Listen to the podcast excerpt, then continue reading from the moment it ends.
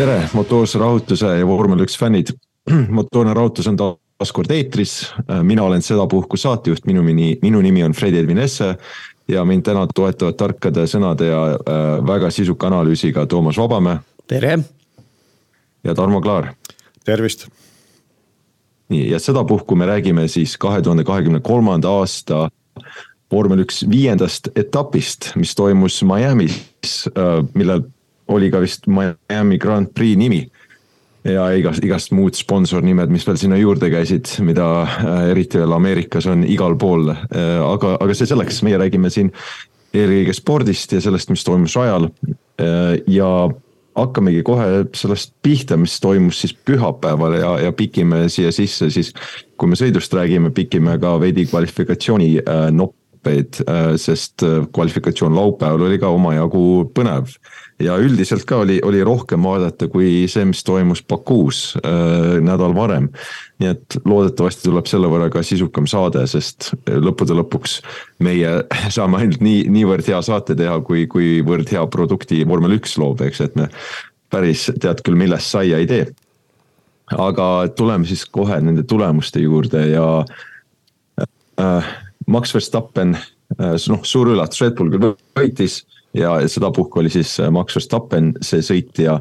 Äh, ja startis Verstappen üheksandana. Ja miks ta üheksandana startis, oli siis fakt, et äh, püha või tähendab laupäeval, kui tema esimene kiire ring Q3-s ebaõnnestus, siis teisel ringil, teisel kiirel ringil sõites Charles Leclerc sõitis rajalt välja, no Charles Leclerc'i me jõuame ka aga juhtuski niimoodi, et Max Verstappen ei saanud äh, Q3-s endal kiiret ringi äh, kirja ja seetõttu startis üheksandana ja nägime seejuures üsnagi, ütleme niimoodi haruldast viga Verstappenit, sest ega Verstappen tavaliselt kvalifikatsioonis see mees ei ole, kes, kes eksib, et ta ikka ütleme üheksakümmend viis protsenti juhtudest ta, ta toob ju need äh, ringiajad kohale jah, aga kui me nüüd Leclerc'iga võrdleme, siis äh, lõppkokkuvõttes vaatamata sellele, et Leclerc sõitis seina, siis startis ta Verstappenist eestpoolt ja miks?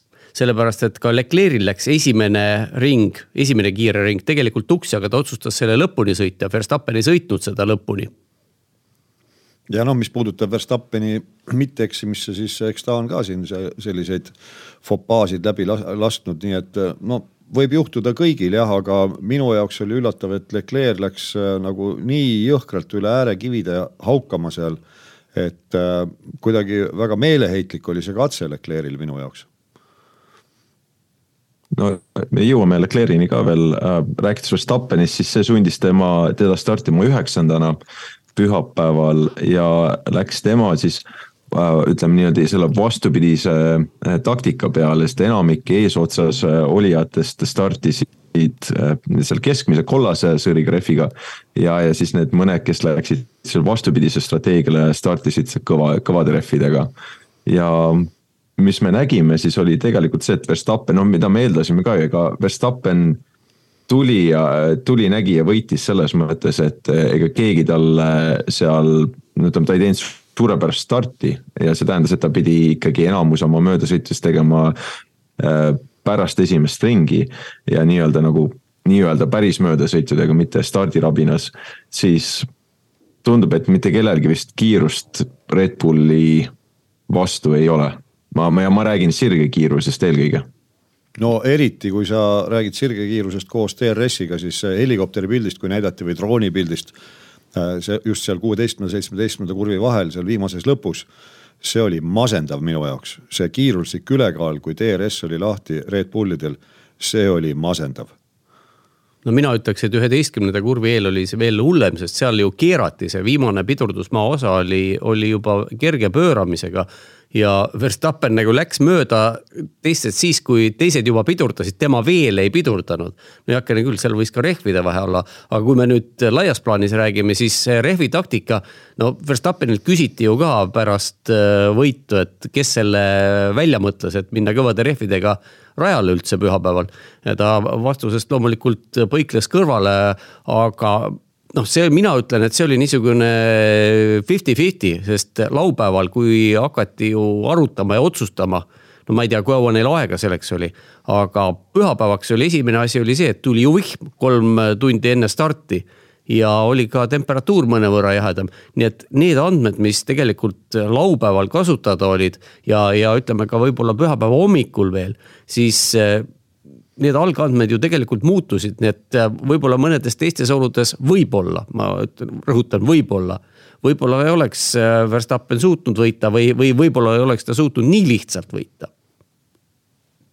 no mis me nägime, oligi see suuri, suurim erinevus tuli pärast seda, kui Perez oli oma keskmistest trehvidest lahti saanud ja ta oli kuskil, kukkus viisteist sekundit äh, Verstappeni taha ja ta lihtsalt hakkas maha jääma, jäi maha ja jäi maha, kuigi mõlemal olid samad rehvid ja Perezil endal olid tegelikult veel värskemad ju rehvid, kuskil kakskümmend ringi või mis, mis ringil täpselt Perez boksis käis. et äh, sealt see ju suurim vahe sisse kärises. see oli nüüd, kuidas nüüd öelda, et äh, see oli nähtumus aga olemus oli tegelikult esimeses vahetuses, kui Perez sõitis need esimesed kakskümmend ringi keskmistel rehvidel.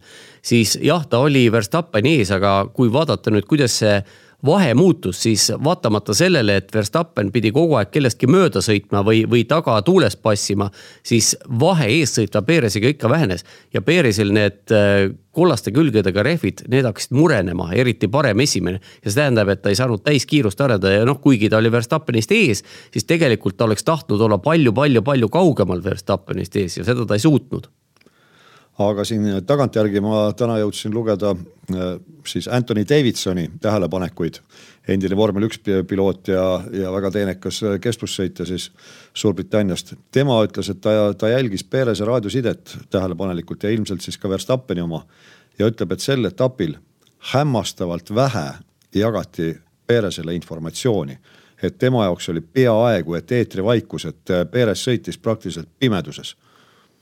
aga ise ei küsinud see, see, selle kohta Martin Brandl küsis, kui oli Sky ülekandes otse Kristjan Horner, kuna see nädalavahetus Kristjan Horner andis äh, kommentaare siis äh, Skyle ja seal Brand, ma ei mäleta, vabandust, äh, Horner ütles, et põhimõtteliselt neil kõik info saadaval, neil deltad olid olemas, rooli peal kõik info jooksis ja, ja see oli vist pigem eelist kuidas Perez soovis oma infot saada ja, ja, ja see delta ja, ja tema nii-öelda need äh, target läpid, äh, eesmärk, mis ta pidi, või noh, see eesmärk, ringi, ringaja eesmärk, mis ta pidi saavutama, oli kõik teada.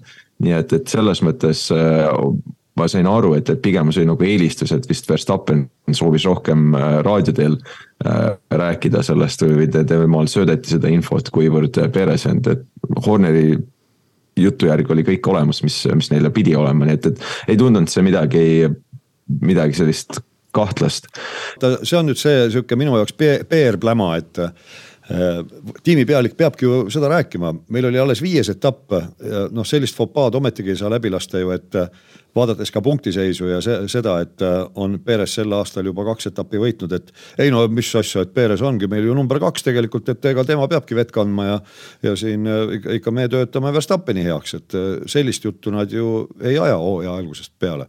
aga üks on selge, et kogu tiim töötab ju Verstappeni heaks ja Perezil on samas viimane lepingu aasta, kas ta saab lepingu jätku, seda me ei tea. aga Perezil on praegu hetkeseisuga viimane võimalus tulla maailmameistriks teoreetiliselt, kas see praktiliselt ka oleks võimalik?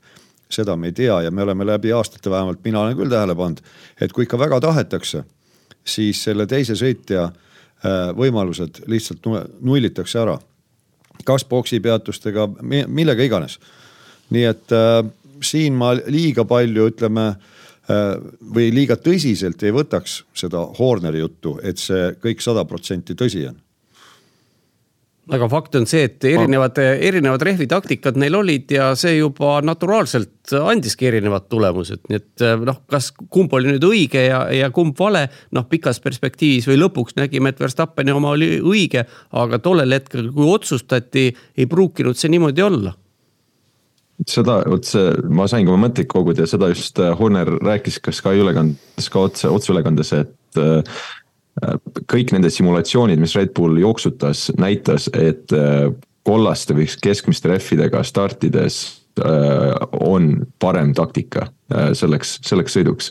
ja noh, lõpus, eks ju, eriti Verstappeniga roolis näitas see, et tegelikult parem taktika oli kõvadega startida ja hiljem pehmetele minna, sest need eriti sõidu alguses, need keskmised rehvid, need hakkasid lihtsalt ära kuluma ja, ja ei olnud, ei olnud sellist minekut nagu, nagu arvati, et on. Äh, ja, ja seevastu hoopis need kõvad rehvid, eriti näiteks Verstappeni puhul, Verstappen oleks võtnud terve sõidu nendega sõita. et need, need ei, ei kulunud nii kiiresti üldse ära, need ei hakanud murenema ja, ja lõpus, mis, mis ma vaatan nüüd, mis ringil Verstappen lõpuks sisse tuli, ta tuli neljakümne viiendal ringil, eks ju, noh, ta oleks vabalt sõitnud veel kaksteist ringi nendega, et seal ei olnud sellist ma, nagu järsku ärakukkumist, nagu me teinekord äh, Bakuus nägime siin. ja, ja lihtsalt pigem see oli juhus ja, ja ilmselt äh, Verstappen ka nagu sa ütlesid, ta ei olnud nõus ütlema, kes selle taktika talle valis, aga, aga pigem see oligi selline riskantsem valik, midagi teha vastupidist, et anda endale vähemalt mingisugune võimalus, eks ju, et, et. ja Verstappen pani selle tööle, sest ega me nägime ka isegi, kui ta oli nendel kõvadel rehvidel, nendel kõvadel rehvidel oli kiirem sõitja nendest kahest Red Bullist jah, ja Verstappen ju, kes siin vihjas ka, et tegelikult ta ju kaotas stardis ühe koha, Ocon läks tast vahepeal mööda, nii et Verstappen üheksandalt kohalt startinuna vahepeal oli kümnes lausa. Ja ei seganud see teda kuidagi.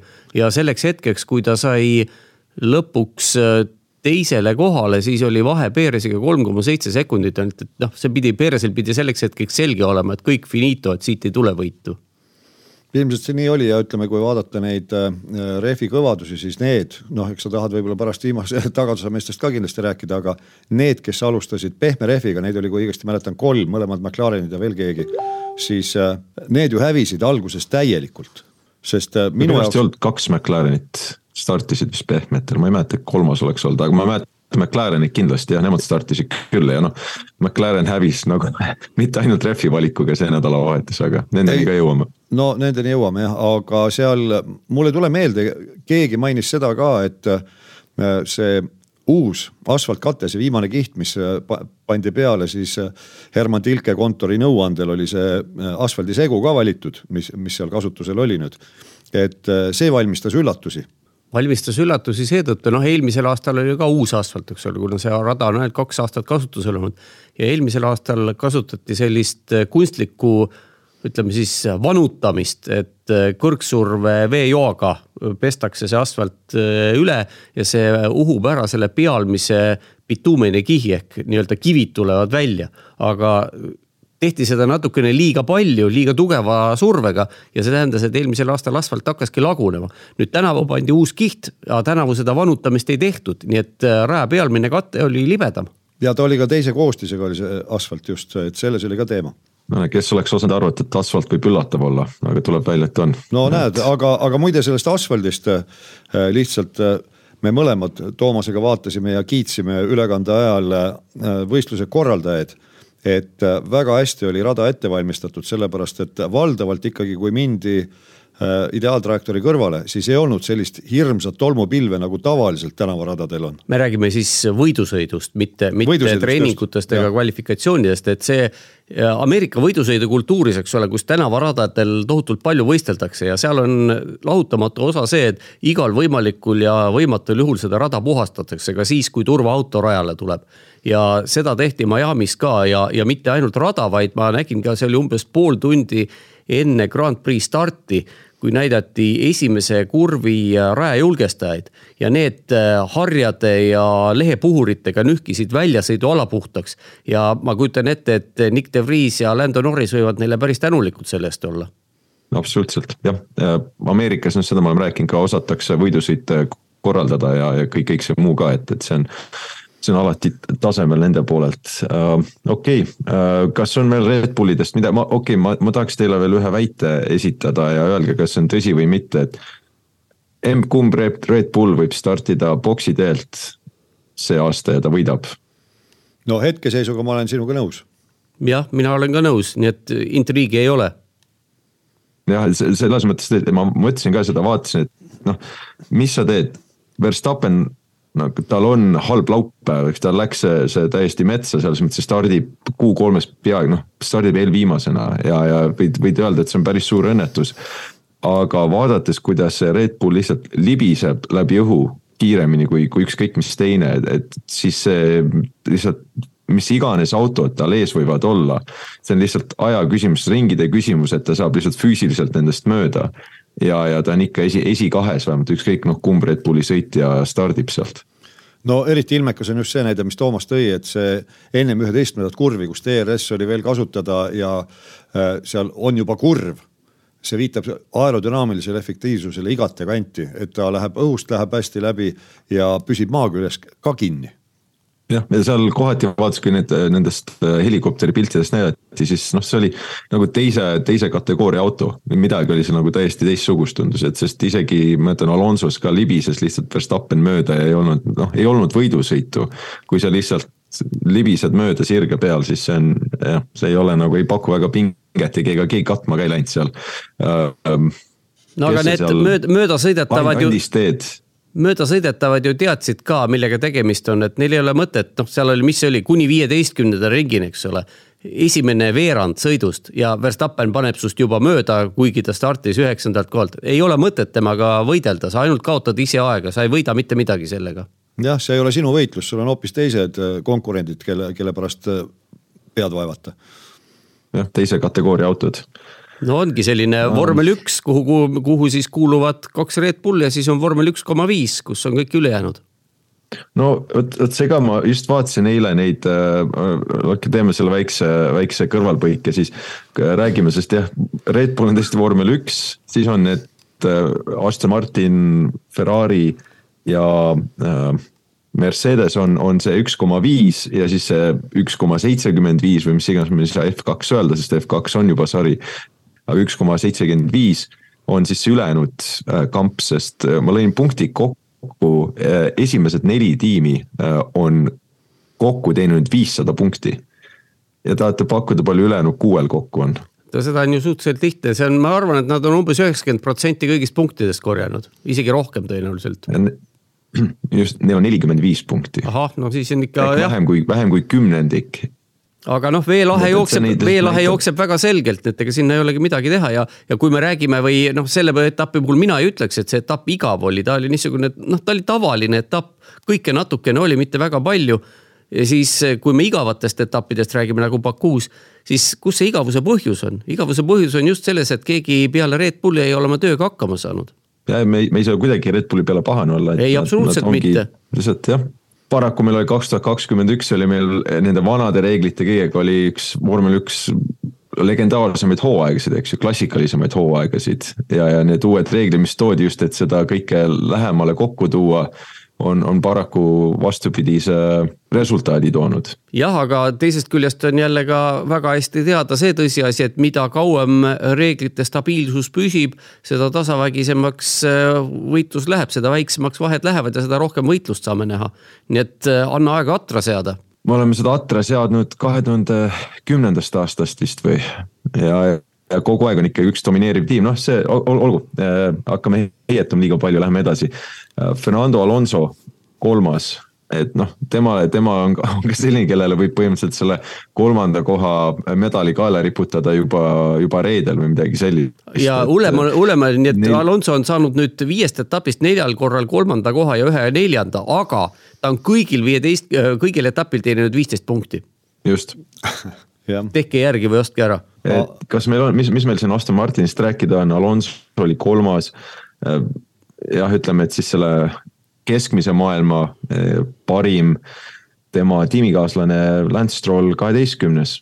ja Strollil läks ju. lõppude lõpuks nelikümmend sekundit peaaegu maas no kui me vaatame stardikohti, siis see seletab kõik, aga küsimus on nüüd selles, et miks need stardikohad sellised olid Lance see... Stroll, kas tahad rääkida, aga Lance Stroll seletas seda niimoodi lihtsalt, et nad võtsid selle riski, et nad sõitsid Q1-s ühe, ühe ringiaja nende värskete rehvidega. ja, ja kui Alonso vist, kas ta oli mingi kaheteistkümnes, kui ta sai Q1-st välja, et ta noh, ta ka ei olnud kaugel sellest välja, väljakukkumise tsoonist ja, ja Stroll ei suutnud sama, sama aega kirja panna, kirja saada, mis Alonsol oli ja, ja seetõttu lihtsalt kukkuski, mis ta lõpuks kaheksateistkümnendana startis, nii et. no äh, nii oligi, et otsustas siis äh, Aston Martin minna ühe rehvi, rehvi komplekti teed, et äh, kasutavadki selles esimeses voorus ainult ühte komplekti ja kui õigesti mäletan, siis Stroll kurtis seda, et äh, sealt kas viimasest kurvist välja tulles keegi rikkus tal põhimõtteliselt nagu selle tempo ära, et korralikult rehve soojendada ja esimesse kurvi ta läks sellise alajuhitava autoga. nii et noh, risk ei õigustanud, seda tunnistas, aga muidu ikkagi mina ütlen, et ega Stroll ei, ei ole kehv vend. Nojah, kindlasti ei ole ta Verstappen, aga kindlasti ei ole ta ka Latifi. kaugel sellest no ta ei ole ka Alonso praegu, kui me, kui me vaatame punktiseisu, siis Alonsol on seitsekümmend viis ja Strollil on kakskümmend seitse ehk noh, põhimõtteliselt kolmandik Alonso mm. punktidest ja, ja tänu sellele on ka Mercedes üsna lähedal veel, kuus punkti ainult. nojah, aga, aga milleks siis Alonso sinna tiimi palgati? Võib niimoodi küsida, kas selleks, et Stroll temast eespool oleks? no see on Strolli enda mure nüüd ütleme et Alonso on oma töö küll kõik nii hästi ära teinud, kui vähekesegi võimalik on, et mitte midagi on, ei ole talle ette heita nii et eks Lants seal suure meistri kõrval nüüd õpib ja suur meister, nagu siin nüüd sellest hooajast raadiosidest kuulda on, siis on kuidagi väga aldis õpetama ja juhatussõnu jagama ja kiitma koguni sõidu ajal, nagu eile oli. Oli aega isegi Alonsol noh, kuna vahe eelneva eessõitjatega on nii pikk ja tagant ka keegi kuklasse hinganud, siis ta jõudis isegi telekat vaadata nägi seda, mismoodi Stroll mööda sõitis, kiitis, ainult üks asi jäi tal kahe silma vahele, noh liiga kiiresti sõitis ekraanist mööda, võib-olla ta ei teadnud, mis kohale see võitlus käis. aga teleka vaatamiseks aega oli nojah, ega tal oli ees, kui ma mäletan õigesti, siis oli enamik aega oli Perez umbes viieteist sekundi kaugusel ja lõpuks vajus kahekümne peale ära ja selja taga ka kedagi seitsme-kaheksa sekundi läheduses ei olnud kordagi, nii et ega seal jah, oligi, võisid telekat vaadata küll.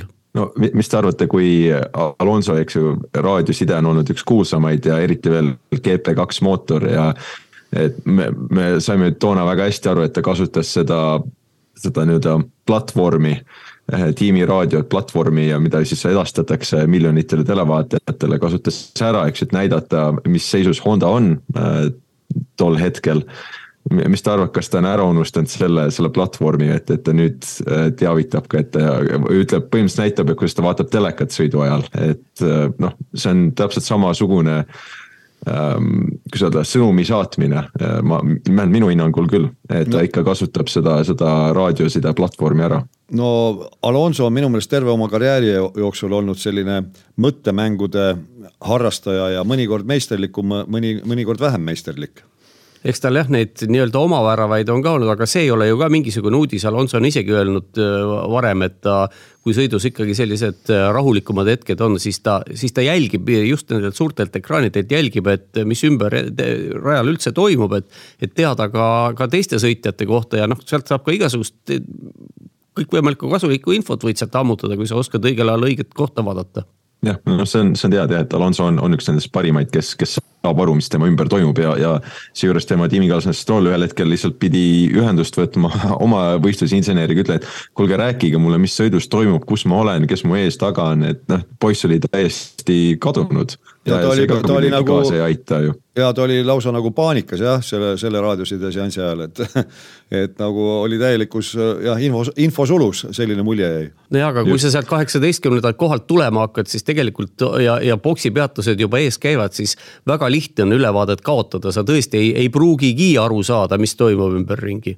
selge see äh,, asjad käivad kiiresti asi, mis käis kiiresti, oli ka George Russelli auto suhteliselt, ütleme suhtelistes terminites, sest äh, lõpetas ta seitse sekundit äh, Alonsost maas, neljandal kohal. ja oli see nädalavahetus juhtiv Mercedese sõitja. Äh, tema võistkonnakaaslane Lewis Hamilton temal läks kvalifikatsioon aia taha, ei olnud väga rahul autoga ja startis kolmeteistkümnendana. nii et lõpuks lõpetas kuuendana Jüri, Jüri Russelist siis kuskil kaheksateist sekundit äh, maas, nii et kuidas me Mercedese äh, vormi hindame, sest mõlemad tegid. Äh, Jüri sõitis Carlosest mööda ja, ja Lewis sõitis. Leclerc'ist. Charles, Charles. Carlist, Carlist sõitis mööda. Carlist sõitis mööda, noh. et no kui me mõtleme nüüd selle peale, et kogu sõidu vältel ei tulnud kordagi turvaauto rajale ja Russelli kaotust lõpuks äh, kogunes Verstappenile kolmkümmend kolm koma kaks sekundit. siis noh, erilist kiirust nüüd Mercedesel jätkuvalt ei ole, pigem mina ütleks niimoodi, et äh, sellel etapil mingil põhjusel nüüd äh, ei olnud Ferrari'l sedagi võistluskiirust, mis tal Bakuus oli, vähemalt Leclerc'i käsutuses oleva autoga. et siin Mercedesel nüüd eriliselt hõiskamiseks põhjust ei ole ja veel lisaks johtuvalt sellest, kuidas läks kvalifikatsioon. Mercedes ju valis ka sellise jagatud taktika oma sõitjate osas. et üks alustas eh, pehme rehviga ja tema teine kõva rehviga, samamoodi nagu Red Bullis. aga noh, põhjused olid ka enam-vähem samasugused, et startis ju Russell suhteliselt eestotsas, ta oli viies vist kvalifikatsioonis kuues. kuues isegi, no kolmandast reast ühesõnaga, noh, see oli ka tegelikult paljuski, mina ütleks, et õnnega pool, pooleks tänu sellele, et jäi seal ühel mehel jäi üldse ringiaeg saamata ja teine sai kehva. Hamilton oli alles kolmeteistkümnes, noh, kui sa oled nii tagant stardid sellise autoga, siis sa peadki riskima. aga huvitaval kombel pühapäeval ka nendes muutunud tingimustes mõlemad autod töötasid hästi just nimelt ja, ja mõlemad äh, Ferrari'd, mina ütleksin niimoodi, et ei töötanud hästi ja äh, Leclerc näiteks pärast sõitu kurtis isegi, et, et auto käitus kurvist kurvi väga niimoodi ootamatult, ette aima-, arvata, mitte, mitte ettearvatavalt siis aga Leclerc ütles ka ju, et laupäeva kohta, miks ta sinna seina sõitis, et oli spetsiaalselt valitud väga riskantne seadistus. ja mina lugesin sealt välja seda, et kuna kehtivad ju kinnise pargi tingimused. siis pühapäevaks neid riskantseid seadistusi maha ei saanudki võtta enam. mida sa seal muudad, rehvi rõhku, esitiiba, kõik. just nimelt jah diferentsiaali setting on veidikene rooli pealt ka sealt mudid. no ne, jah, no seal on veel mõned asjad, eks ole, mida sa saad muuta, piduribalanss ja. ja sellised, aga, aga need ei ole fundamentaalsed seadistuse erinevused. sa ei saa auto kõrgust, vedrustust mitte mingil moel, rattakaldeid, vedrustuse jäikust, mitte midagi sa ei saa teha seda küll absoluutselt, nii et äh, äh,. kui me Ferrari't vaatame, siis eelmine aasta neil oli häda, et äh, nende kvalifikatsioonikiirus oli suurepärane ja sõidus nad pigem kippusid veidikene ära kukkuma. see aasta enam pole veidikesest juttu, see aasta, kui me vaatame jah, kuidas Sainz ja Leclerc mõlemad sõitsid, noh Sainz oli, vabandust, Leclerc oli ka täitsa esikohtadel top kolme sõitmas jälle ja, ja sõidusega ma arvan, et see seitsmes koht oli üsna äh, representatiivne tema tegelikust kiirusest.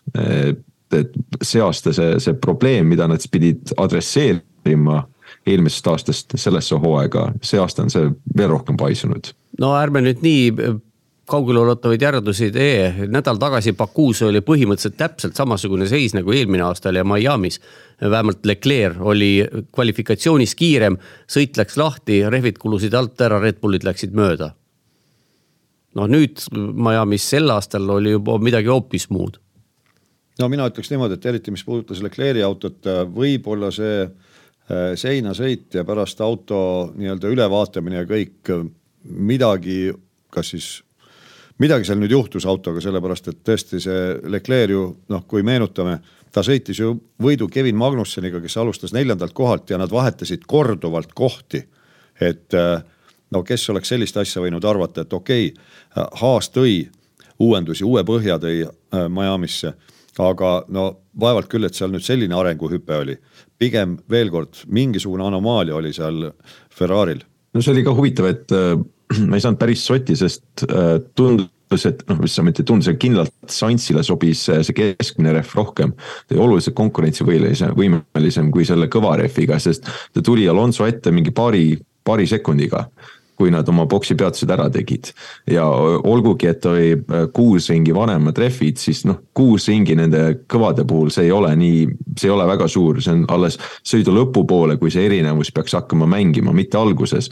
ja Alonso võttis selle mingi ringi kahega kinni ja kolmanda ringi paiku juba sõitis mööda Äh, Sainzist nendel kõvadel rehvidel ja Sainz lihtsalt kukkus ja kukkus nagu kivi, äh, Russell tuli talle, talle vastu, sõitis temast ka mööda ja lõpuks Sainz lõpetas kuusteist sekundit Alonso järel nii et, et selle, see kõvade rehvidega see, see vahetus tal oli väga-väga nõrk. ja samal ajal Leclerc pigem vastupidi, Leclerc suutis nendel kõvadel rehvidel paremini, paremat kiirust näidata, nii et, et see on selline ka väga arusaamatu äh, asi, et kui, kui peaks olema, et üks rehv sobib autole ja mõlemad sõitjad on see, seega selle rehvi peal konkurentsivõimelisemad. tavaliselt, vähemalt tavaliselt selline see olukord on aga mulle üldse tundub, et kui me nüüd jälle mõtleme Baku etapile tagasi, siis seal Sainz ei pääsenud ju üldse pildile.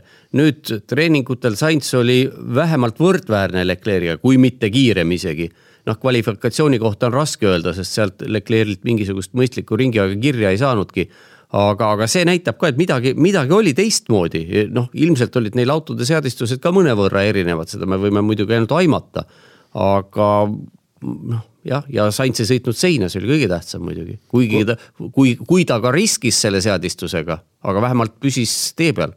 Kusjuures äh, nüüd selleks nädalavahetuseks ju Miami's Ferrari ütles, et äh, nad tõid äh, Äh, oluliselt äh, uusi detaile juurde, et kui nad seal Bakuus võtsid kasutusele ainult äh, sellise madalama survejõuga tiivad, eriti tagatiiva just ja muid uuendusi ei olnud, siis kuna Miami rada on rohkem nii-öelda võidusõiduraja moodi, olgem ausad, ongi ju esimene, esimene sektor seal on ju väga selline kiirete voolavate kurvidega, kus saakski aimu, et mida need aerodünaamilised uuendused siis kaasa toovad, siis võib-olla ikkagi see aerodünaamika pakett ei toiminud nii, nagu nad lootsid või, või hoopis andis väikse tagasikäigu, mida muidugi ei ole avalikustatud no see tundub väga tõenäoline, sest tuletame meelde, et Leclerc sõitis seina ju korraga ka vabatreeningul põhimõtteliselt samas kohas, noh, mingi sadakond meetrit hiljem või, või, või isegi vähem, väga sarnases olukorras.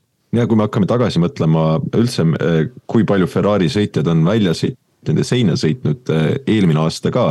Ja sellel samal rajal ju eelmine aasta käis Sainz seinas, lõhkus auto ära äh, vabatreeningul, nii et äh, te teooria on, et Ferrari on lihtsalt selle kontseptsiooniga, selle uue generatsiooni autodega eh, ehitanud auto, mis on üsnagi, ütleme selline noatera peal rohkem. Ja sõitjad peavad riskima, kui nad tahavad sellist eh, aega välja imeda ja, ja seetõttu on ka eksimused eh, rohkem tulema, sest kui me võtame näiteks Alonso siin, kus Alonso peaaegu igal etapil räägib, kui hea auto see Aston Martin on, millega, millega sõita.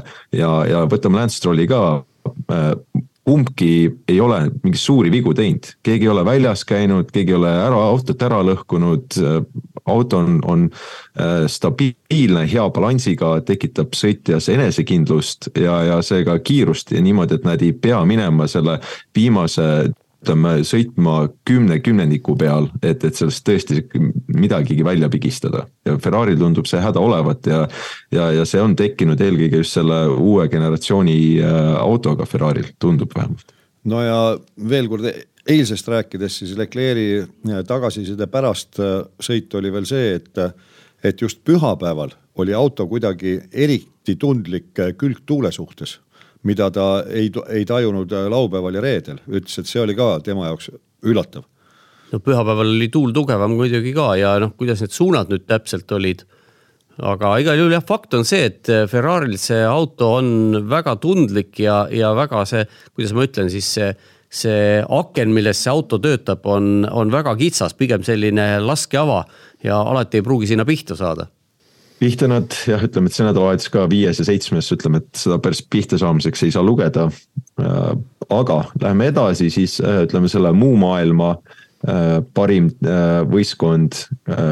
Alpine oli kaheksas ja üheksas, lõpetasid viiskümmend viis ja viiskümmend kaheksa sekundit, Pierre Gasly's kaheksas, Esteban Ocon üheksas.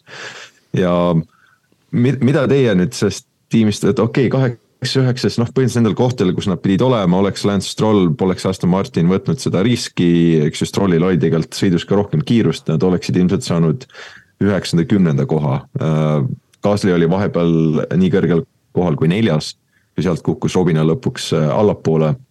selle kõige taustal, ütleme, nad tegid oma tulemuse ära, aga mida te kuidas te hindate nüüd seda sõnavõttu, mida, mida Loren Rossi, Alpiini tegevjuht siin vahetult enne sõitu tegi ja kus siis põhimõtteliselt äh, räuskas tiimi kallal ja, ja ma ei, ma ei tea, kas see tema viis motiveerida oma, oma inimesi, oma alluvaid või, või mida teie sellest arvate tema, tema sõnavõttudest, kus ta üsna tugevalt äh, võistkonda kritiseeris?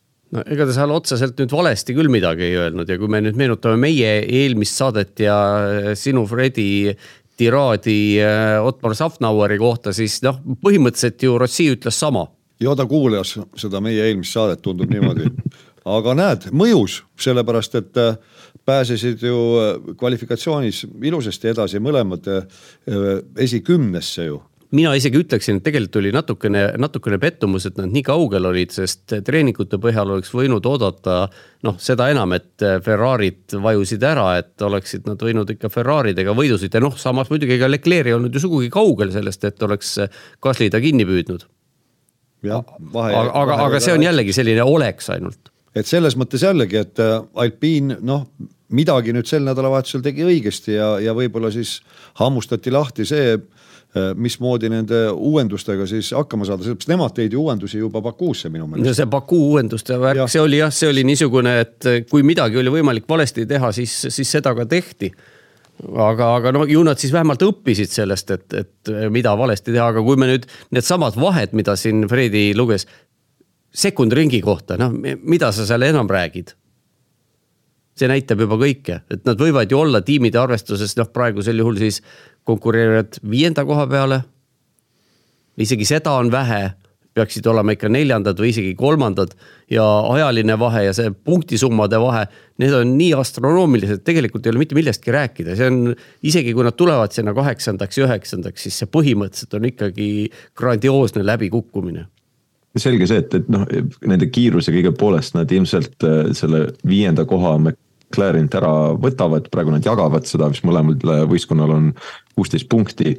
kui me hakkame eelmise hooaega võrdlema, siis see Aston Martini äh, hüpe äh, siia etteotsa tähendab seda, et, et ega neile jäävadki need äh, raasukese, punkti raasukesed, mis seal lõpus on, kaheksas, üheksas kümnes koht, võib-olla vahepeal kuues-seitsmes, kui, kui keegi midagi eriti äh, äh, halvasti teeb, aga nende see üldine punktisumma hooaja lõpus äh,. isegi kui nad tulevad viiendaks, jah, okei okay,, nad olid eelmine aasta neljas, et need kaotavad ühe, ühe koha võrra konstruktorite arvestuses.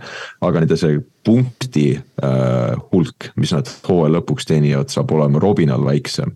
ja, ja see pigem näitab seda üldist trendi ka, et, et äh, ja nagu paneb selle parema pildi paika, et äh, no et kui, kui vormel ühes sa edasi ei liigu, siis sa liigud tagasi. Ja, ja paraku Alpine ka tundub, et, et neil niimoodi läheb, sest äh, parandage mind, kui ma eksin, aga kas see oli neil esimene korralik nädalavahetus, kus neil mitte midagi nagu katastroofset ei juhtunud, sest Bahreinis oli see Oconi värk, kus nad kõik, kõik läks neil täiesti metsa, vot mul Saudi äh, sõit ei tule meelde, Austraalias oli, eks ju, nad keerasid mõlemad äh, ennast seina.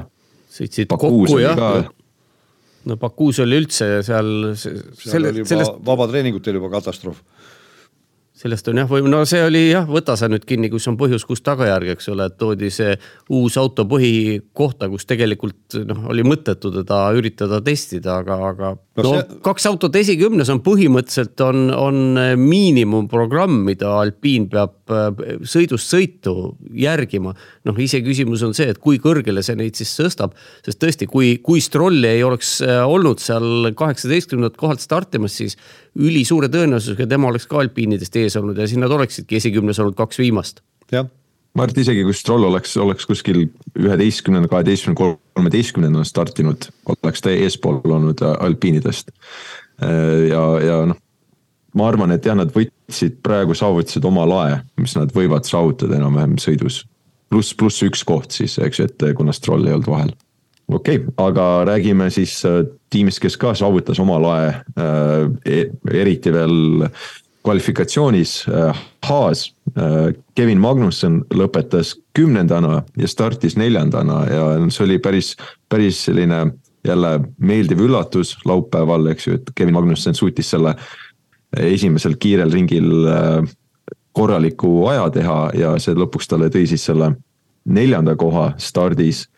Ja, ja üldiselt ka, ega Haasil oli seda kiirust, nagu Tarmo mainis, siis see Ferrari'ga madin oli, oli väga-väga meeldiv näha ja, ja mul eriti äh, sümpaatne oli see, et Magnussen ei andnud järele võitles Leclerc'iga. just täpselt ja see käis mitu ringi, see ei olnud niimoodi, et see oli kaks kurvi ja pidu läbi, vaid see käis mitmel ringil, see kohtade vahetus.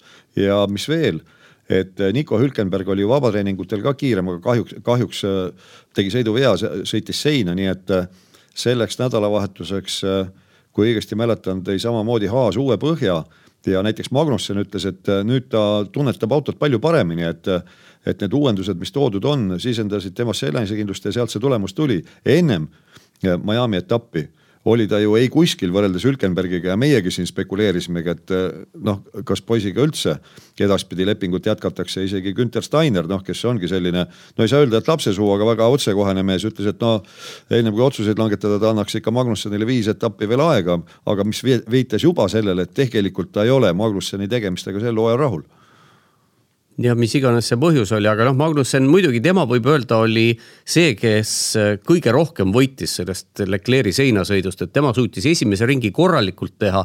ja noh, kui me, me jõuame sinna veel, aga, aga mina ütleksin, et äh, Alfa Romeo tiim tegi Äh, andestamatu vea, kui ta jättis Botase selle üheainsa Q3 ringi päris sinna lõpuotsa, ta oleks pidanud siis välja minema, kui oli nii-öelda vaheaeg, et esimesed ringid olid tehtud ja teistele veel ei olnud mindud, et see on selline klassikaline võte, aga noh. ju nad lootsid, et rada läheb järjest paremaks ja kõik see värk, noh ilmselt olekski läinud, aga juhtus nagu juhtus aga Hülkenberg jah, ei noh, sõitis ju hästi, aga lõpus vajus jälle ära, nii et jäi, jäi punktikohtadest kaugele. noh, ja, ja siit, kes punktikohast ei olnud kaugel juba neljandat korda vist see, see hooaeg.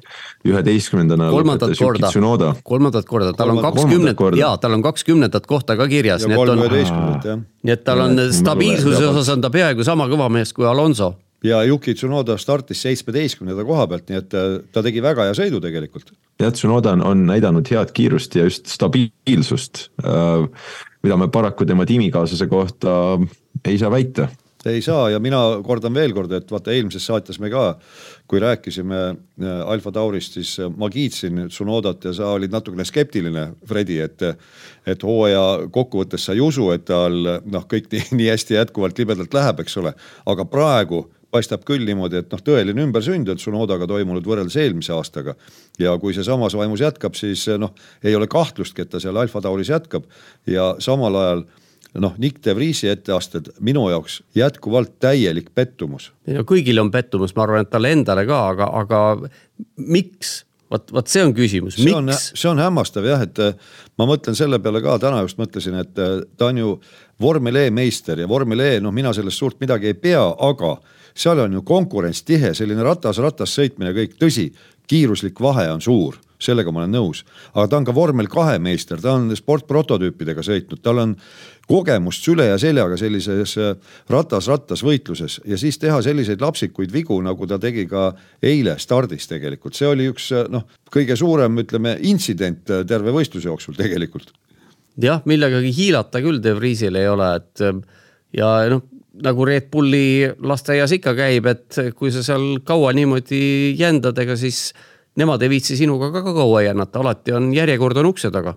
No vähemalt sellest Try to Survive'ist ainult äh, loodi selline narratiiv seal ka ja noh, paljuski see, ma arvan, et ka vastas tõele selles mõttes, et Gasly oli see äh, võistkonna liider ja see juhtsõitja ja, ja, ja mentordas siis ka äh, Tsunodat ja Tsunoda on veel, eks ju, selline noor ja üsna, üsna lapsiku olemisega ka, kui me, kui me ausalt ütleme.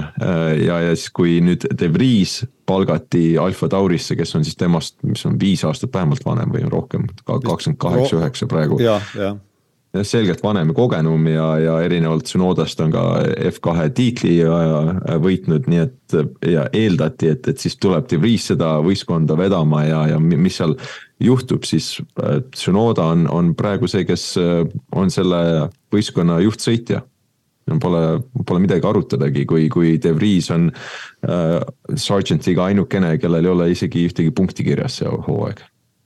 jah, nii on kellest me veel rääkinud ei ole, või veidi mainisime Alfa Romeo.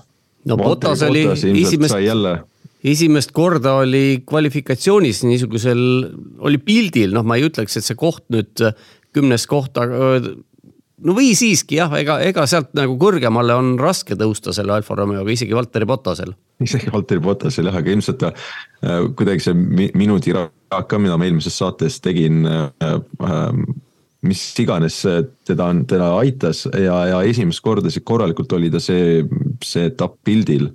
lõpuks kolmeteistkümnes, seitsekümmend üks sekundit maas ja seitse sekundit Lance Strollist maas, kes temast mööda sõitis.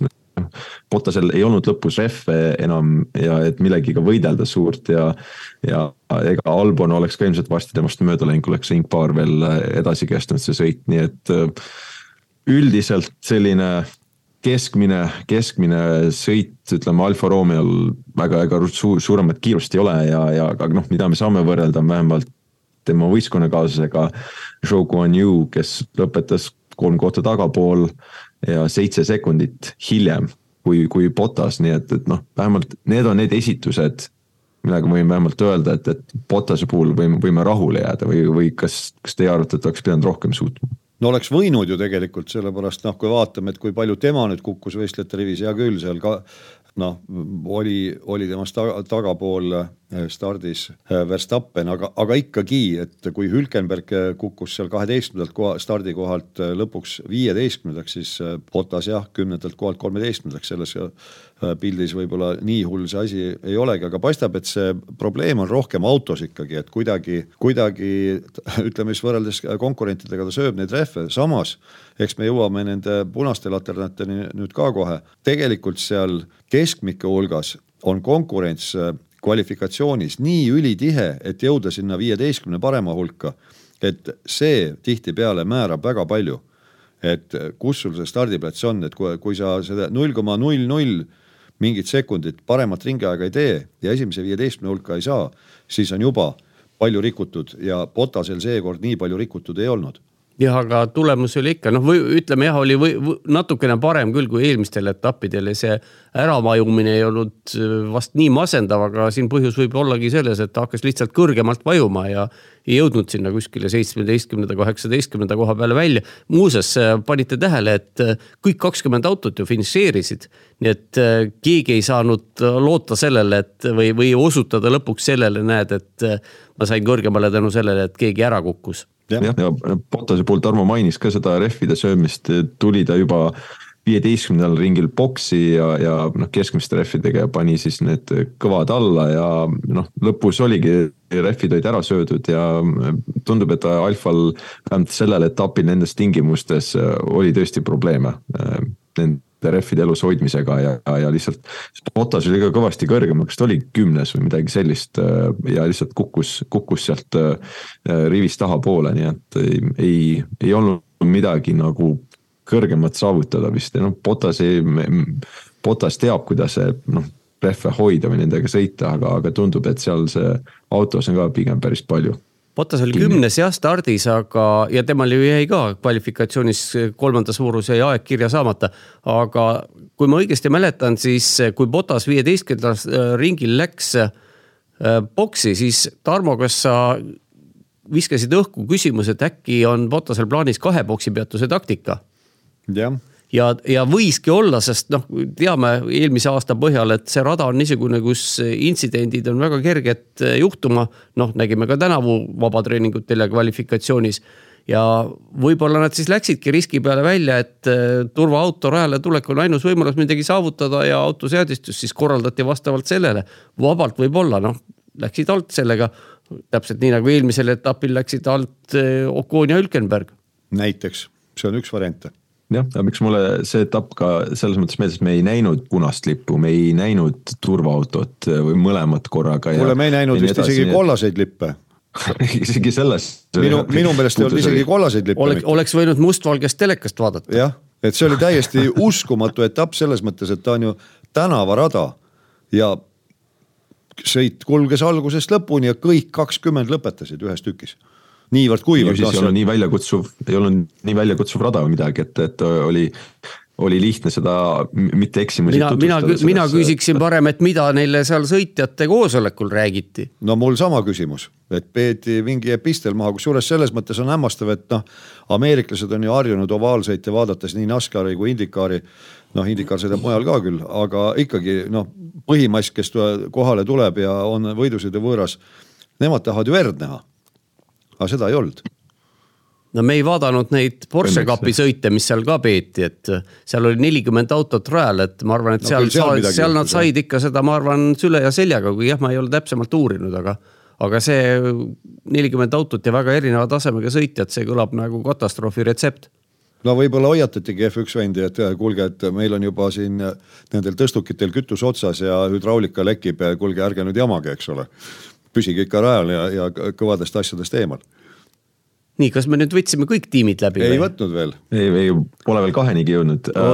Kas te Williamsist tahate midagi rääkida, Albon neljateistkümnes ja Sargent täiesti kusjuures ma jäin mõtlema selle peale, sa ütlesid, et McLarenid kindlasti alustasid pehme rehviga, aga tegelikult minu meelest, kas mitte Albon ka ei alustanud pehme rehviga? ma just tahtsin küsida, kas mitte Sargent ei olnud, kes alustas pehme rehviga? või mõlemad koguni või olid äkki? Sargent, Sargent minu arust ei olnud no McLarenitel igatahes tundus niimoodi, et neil oligi see kava, et äh, stardime pehmetega, vahetame kohe kõvade peale ja siis, kui tuleb turvaauto, siis äh, me boksi ei tule, kerkime automaatselt rivis ettepoole, aga turvaauto sunnik ei tulnudki rajale.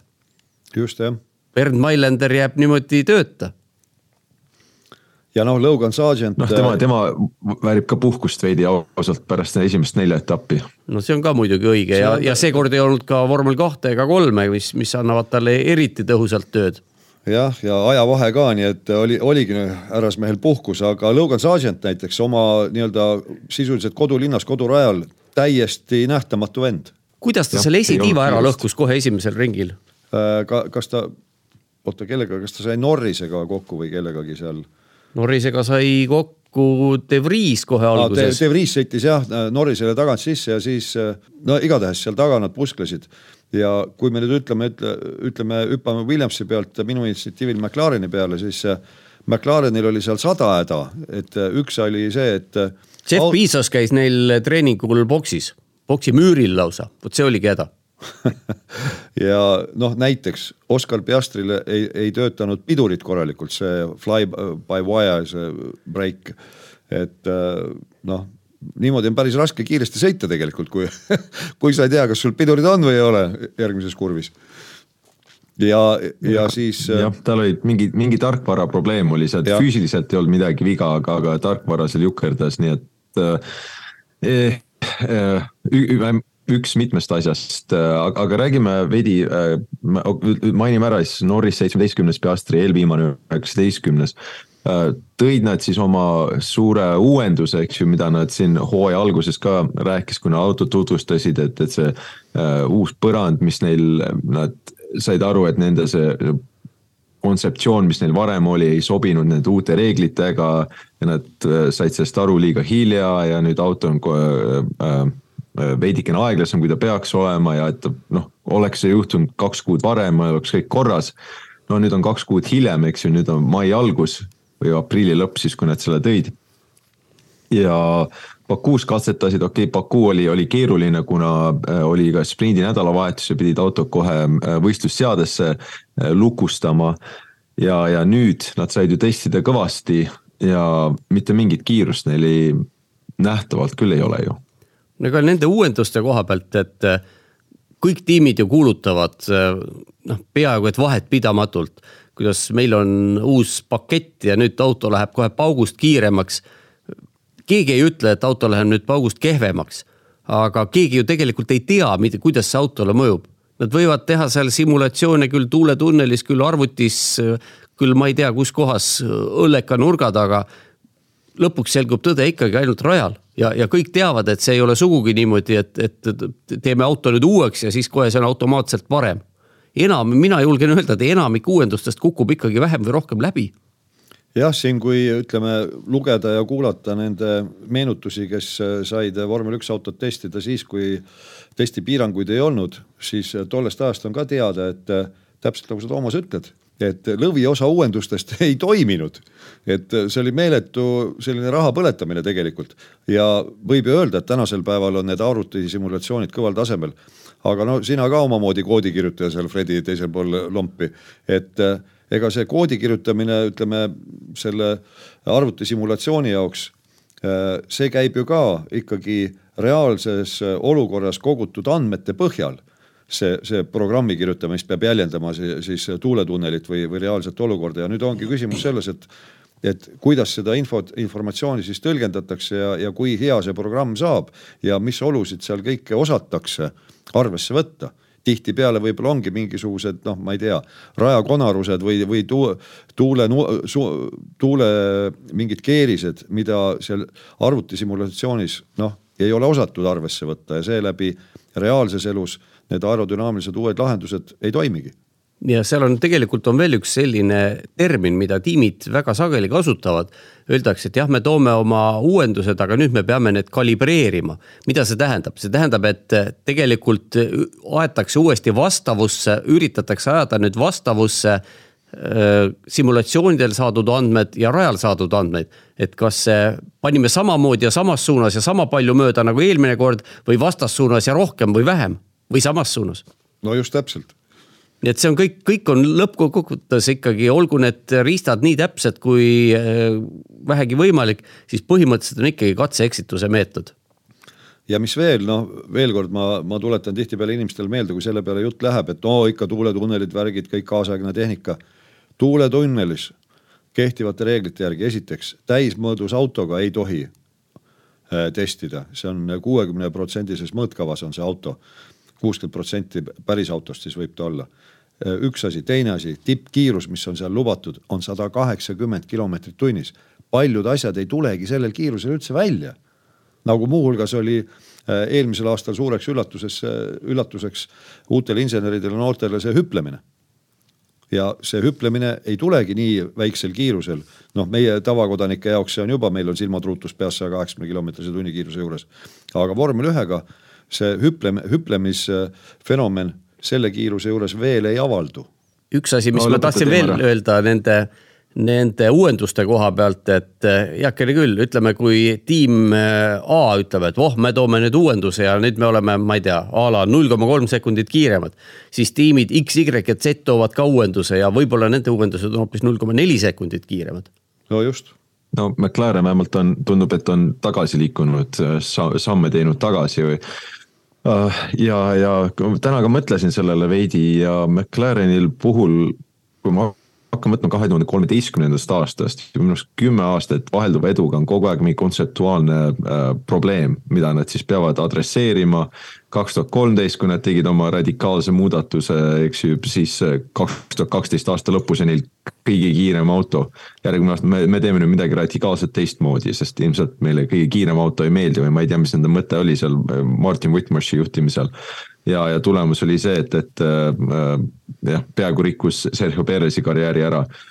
Ja, ja siis edasi ka veel äh, noh, Honda ajastul ka nad arvasid, et neil on väga hea auto, kuni tuli, tuli selgus, et tegelikult kui Renault mootoriga neil äh, ei olnud kiirust ja olid seal isegi pannud näiteks nende käiguvahedega täiesti mööda, eks neil ei olnud mingit tippkiirust ega midagi ja noh, need ei oli suuri probleeme ja, ja nii edasi, iga aasta on olnud mitte peaaegu iga aasta, aga, aga teatud aja tagant on kogu aeg McLaren mingi probleem olnud, kus nad kontseptuaalselt peavad muutma või ütlen nüüd, nüüd kui me selle teeme, siis me saame paremaks. Ja, ja neil ei, ei tule seda kuidagi. et eh, nüüd Andreas Stella siin, mis oli aastavahetuse eh, ümber, eh, kui Andres Seidel ära läks, Andreas Stella nüüd uus tiimi pealik pani uue tehnilise struktuuri paika, kus enam tehnilist direktorit ei ole, enne oli see James Key siis nüüd need kolm erinevat haru, mis vastutavad selles, peaks tulemusi tooma, aga noh, selle, neid tulemusi Zac Brown väidab, et juba hakatakse nägema, aga ma, ma, ma küll ei, te olete näinud? ei, ega no ei, ikka tulemusi oleme näinud ju, iga võistluse nädalavahetusel näeme tulemusi aga küsimus eks, ongi. seitsmeteistkümnes, üheksateistkümnes on ka tulemus. et no lõppkokkuvõttes ongi see, et kaadrid otsustavad kõik ja tänasel päeval tundub niimoodi, et nüüd äh, nagu sa siin selle ajajoone välja tõid, et äh, mingist hetkest alates on kuidagi valed inimesed valedel kohtadel, nimetame siis niimoodi seal ja kuidagi ei saa saada sellest allakäiguspiraalist välja. jah, aga McLareni õnneks loodame, et nad ühel hetkel selle, selle spiraalile panevad äh, punkti kas teil on veel mingeid teemasid, mis te soovite sellest eelmisest äh, nädalast ja, käsitleda? jaa, kuidas sulle meeldis äh, see ameerikapärane avatseremoonia? ma mõtlen see, kui sõitjad kutsuti ükshaaval välja, sest see täna noh, minu jaoks siiski mõnevõrra ootamatult on nagu tohutu suureks jututeemaks paisunud. mina ausalt ei vaadanud, sest mu, mina sõitsin autokrossi terve päeva ja ma õhtul vaatasin sõitu kordusest ja ma enda sellise aja peale nagu korduses küll ei viitsi aega raisata. aa, nii et äh, sa seda ei ole näinud, noh, see oli eht Ameerika. ei tea isegi millest juttu on, sest isegi ma vaatan F, F1 TV pealt ja ma ei tea, minu arust nad ei näita isegi seal seda. ma arvan, et nad näitaks, näitavad ikka tõenäoliselt, sest see oli umbes äh, las ma ütlen, see läks meil ülekandesse ju ka, meil ülekanne lõpp, ja meil ülekanne algas viisteist minutit enne starti ja me nägime ära, kas kolm viimast sõitjat vist. ta, see tants ja trall hakkas kuskil kakskümmend minutit ennem starti pihta. ühesõnaga, ühesõnaga kutsuti sõitjad kõik ükshaaval kuskilt sealt kulisside tagant rahva ette, hõigati välja seal üks väga kuulus räppar kelle nimi mul kahjuks meelde ei jäänud, hõikas neid välja ja ühelauseline tutvustus siis oli umbes. ja kolme sõitjaga tehti ka selline mikrointervjuu, need olid Sergeant, Hamilton ja Verstappen. nii noh, nagu Ameerikas ikka tehakse, ma ei tea, NBA-s või NHL-is või minu jaoks väga äge, normaalne, peabki niimoodi tegema, noh ja kui Ameerikas, eriti Miami's show'd ju osatakse teha, miks mitte aga nüüd sõitjad. Indikaar teeb, muide, ma, ma lisan siia, et Indikaar teeb ka, see on suur poodium, ma olen Indikaari sõitudel käinud. suur poodium, kus rahvas on siis see peatribüüni ees näiteks. Äh, poodiumi pealt äh, sõitjad tulevad mingi läbi ukse või mis iganes, seal mingi seda, mingi möll käib, muusika. sõitjad lehvitavad ükshaaval, tulevad sealt läbi ja, ja kõiki teadvus-, no tutvustatakse, nii et põhimõtteliselt nagu sama, põhimõtteliselt sama jah. Ja., aga, aga nüüd, kui täna lugeda sõitjate kommentaare või mis kommentaare, sõitjate pahameeleavaldusi, siis noh, kõik on tagajalgadel, kõik on valesti, kõik on pahasti, neid segatakse, ma ei tea, mida. Ain, saa... ainus, kes otse ütles välja, et väga äge oli Hamilton, ootuspäraselt ütleksin mina ja, ütleks siin... selle peale harjugu ära nagu. just, ju, just täpselt, vaata siin me oleme ilmselt ka ühte meelt, et me Toomasega just ennem arutasime, et kulla mehed, kes teile palka maksab? kust see raha tuleb, kust see raha tuleb, et, et tahaks küll niimoodi, eks ole, nagu siin, ma ei tea, kas seda enam tehakse. Miami's oli nüüd ka sõitjate paraad, aga seal nad sõitsid mingid lahtised sportautod, nende, nende peal siis noh, veeti neid seal mööda rada ringi. aga Euroopas varasematel aastatel see oli mingisugune tunnikene enne, enne starti või midagi, veeti sõitjaid ringi seal veoauto taga platvormil. noh, nad seal, esiteks nad olid publikust tohutult kaugel seal, ega keegi neist ei viitsinud eriti publikule mingisugust tähelepanu pöörata, aeti seal omavahel juttu, nokiti nina ja nii edasi, et noh, mis, mis, mis see siis hea oli ja ette, noh, kes seal näiteks äh, George Russell võttis väga teravalt sõna ja, ja Valteri Bottas ja nende.... Verstappen loomulikult. no Verstappen oli natukene leebem oma väljendustes. jah, aga Russell oli tõesti väga häiritud, Bottas oli häiritud ja, ja paljud teised. ja neid häiris kõige rohkem see, et kas te teate, kui palju meil on seal teha enne starti ja nüüd tullakse meid mingisuguse avatseremooniaga segama ja lisaks sellele, et mitte üksi see, et kui palju meil on ennem starti teha, vaid kui palju me üldse peame publikuga suhtlema, et te ei kujuta ette võrreldes teiste spordialadega. oota, mis mõttes, mina küsin selle peale no ma olen, äh, möönan, et see oleks võinud olla see avatseremoonia, see väljakutsumine natukene varem, ütleme mitte viisteist minutit enne starti, vaid näiteks kolmkümmend minutit enne starti. nõus aga, aga. kaks tuhat üheksateist käisin Austinis, minu arust oligi kaks kolmkümmend kohaliku aja järgi oli, oli see äh, sõitjate tutvustamine. Austin oli minu arust esimene, kes äh, tegi sellise nagu no, mäletate, oli see mingi kuulus poksimatši äh, see äh, teadvustaja, kes tuli sinna ja tegi, mis oli ka päris äge minu arust ja mulle, mulle täitsa meeldis raja ääres. nagu näed seda ja sõitjad tulevad välja, jumala äge, et ja see oli kolmkümmend minutit enne ja toona ma ei mäleta, et keegi oleks hädaldanud. aga, aga mulle tundub, et sõitjad võivad siin praegusel hetkel, andke andeks, tuututada nii palju, kui nad tahavad. aga vormel ühe praegused omanikud on otsustanud, et see on suund, kuhu me lähme ja mina ütlen, et see on õige suund ja omanikud on ameeriklased tänasel päeval, nii et äh, sinna see läheb ja ootame ära, kui äh, Las Vegase etapp kätte jõuab, mis kellad ja viled seal veel kasutusele võetakse ja mida sõitjad selle peale ütlevad. no võib-olla nad on muidugi ära harjunud selle, sellega, noh, samas kui ma mõtlen, noh, vormel ühes on selline, selline kummaline paradoks, et vormel üks ennast reklaamib, et on kõige tehniliselt kõrgetasemelisem ja eesrindlikum ja innovatiivsem autospordiala kogu planeedil, noh vaata, et üldse spordiala kogu planeedil aga see sisemine struktuur või, või suhtumine, see on, see on nii meeletult konservatiivne. iga pisemagi muutuse pärast on tohutu sõda, kõik on vastu kogu aeg. ma ei räägi ainult, eks ole, sellest avatseremooniast, noh, see on täiesti naeruväärne juba. aga ka igasugused sõiduformaatide muudatused, sprint ei sobi. noh, kvalifikatsiooniformaatide muudatused, noh nüüd on see praegune on kehtinud nii kaua juba. ega seda ka alguses, kes see nii väga seda ikka tervitas, kõik need asjad, mis on äh, uue, uuendused või et, või et teine jutt, et peaks olema, kõik etapid peaksid täpselt ühesugused olema, ühesugune ajakava, ühesugused äh, ajavahed, kõik, kõik, kõik täpselt ühtemoodi. kuulge, sõbrad, publik ei taha seda, et kõik oleks kogu aeg ühtemoodi jah, publikut on ka muidugi erinevat, aga, aga üldiselt tõesti, et noh, oldakse, isegi mina, vana Peer, ütlen, et liiga palju oldakse mingisuguses vanas kinni ja harjumuspärases. et veel kord see, mis Miami's toimus selle avatseremooniaga, ma olen nõus, jah, oleks võinud nihutada varasemaks pool tundi äh,, pool tundi ennem starti, aga seda ongi ju publikule vaja, see, see ongi äge, see on action, inimesed näevad, kes ei ole seal stardi-finiši sirgel, nad näevad ekraanidelt neid äh, nii-öelda lihaste luussõitjaid ja me, kus te, kus te oma kuulsuse ja oma, ja oma palga siis äh, välja teenite, mil, mil viisil huvitav küll, kui te lihtsalt nurga taga põristate? ei tule seda kuulsust teil kuskil.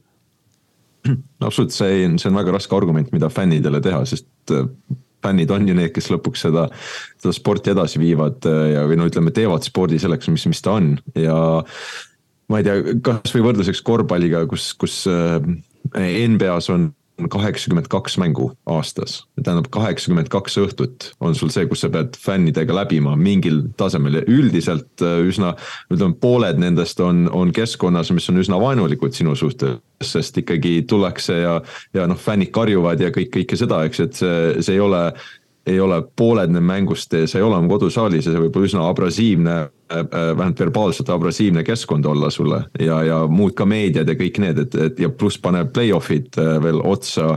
mis mõnel tiimil võib olla veel mingi kakskümmend pluss mängu, nii et see on ma, ma ei saa sellest hädaldamisest tõesti aru, et, et seal on teisi sporte ja ma tõin korvpalli näiteks lihtsalt selle, et umbes palgad võivad olla umbes samad. et kuskil vahemikus ütleme mõni miljon kuni viiskümmend miljonit, et, et selline ütleme, see palgaskaala on ka umbes sama, nii et, et seal see äh, veidikene äh, lisaläbimine ja fännidele lisapakkumine, see ei, see ei tohiks olla mingi, mingi hädaldamise argument, kui no., kui aus olla tänasel päeval mulle tundub juba, et äh, kõik need võidusõitja hakatised peaksid läbima mingisuguse nii-öelda ma, majanduskoolituse või majandusturunduskoolituse, et nad saaksid aru nii-öelda põhjusest ja tagajärjest või, või siis põh, asjade põhjuslikkusest, põhjuslikust seosest üldse. mis, millest tuleneb ja, ja kuidas see kõik välja kujuneb, et ühel hetkel nad ongi superstaarid. et noh, küsimus on ikkagi kapitalismi põhiküsimus, kust tuleb raha? jah. tarbimisest see on meie lääne kapitalismi või tarbimisest tuleb raha. kas teil on veel mingeid teemasid? ei, otseselt mitte, mina ütlen lihtsalt nii palju, et äh, tundub, et see asfaltkatte uuendamine oli seal positiivne ja teisest küljest äh, kahjuks vist ei ole tõesti lahendust sellele, et see kolmeteistkümnes, neljateistkümnes, viieteistkümnes kurv kuidagi elimineerida sellelt rajalt, sest. aga mis äh, neil viga on? no minu jaoks need ei anna mitte midagi juurde. no sõidavad kõik, kõik, kõik läbi sealt, noh, mina ei tea, seal ikka eksiti natukene. ja eks see, eks see ilmselt. Äh, vaata, vabandust, see, see hea alt-, hea kõrvalnäide on, on see Singapur Sling, mis oli vanasti Singapuri rajal ka. mida sõitjad vihkasid ja mis oli ka sama, umbes sama põhi, põhimõte oli sama. sõitsid üliaeglaselt läbi sealt ja niimoodi raputas ja lõpuks see kaotati ära. kas Singapur läks paremaks või halvemaks selle tõttu? no suht sama. hetk, hetkel ma jään vastuse võlgu, noh, võib-olla tõesti suht sama jah eks neid, eks neid rajamuudatusi selliseid ikka on olnud jah, aga tegelikult ju räägiti, sel talvel ju räägiti just nimelt, et see üheteistkümnendast kuni kuueteistkümnenda kurvini see kõige aeglasem rajaosa, et seda plaanitakse ümber ehitada, noh, kui me vaatame, kes nägid ülekannet, siis seal näidati kopteri pealt korduvalt seda rajalõiku, see kulgeb kiirtee estakaadide all ja, ja seal on väga keeruline midagi ümber ehitada. jah, aga üldiselt ma ütlen, et äh, üldiselt mulle Miami rajas äh, see skeem meeldib.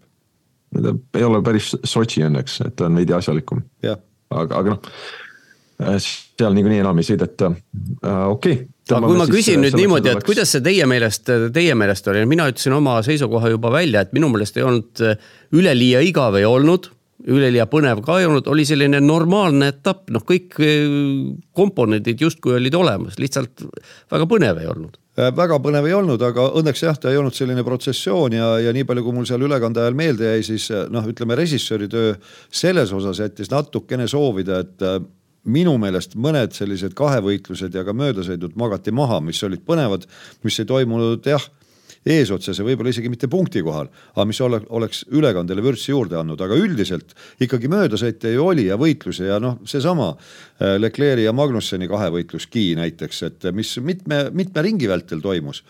et äh, see oli väga hea noh, see käis ka ju kuskil seal kuuenda, seitsmenda, kaheksanda koha ringis. ja, ja ei tänu põnevale kvalifikatsioonile oli ka sõit veidi teistsugusem.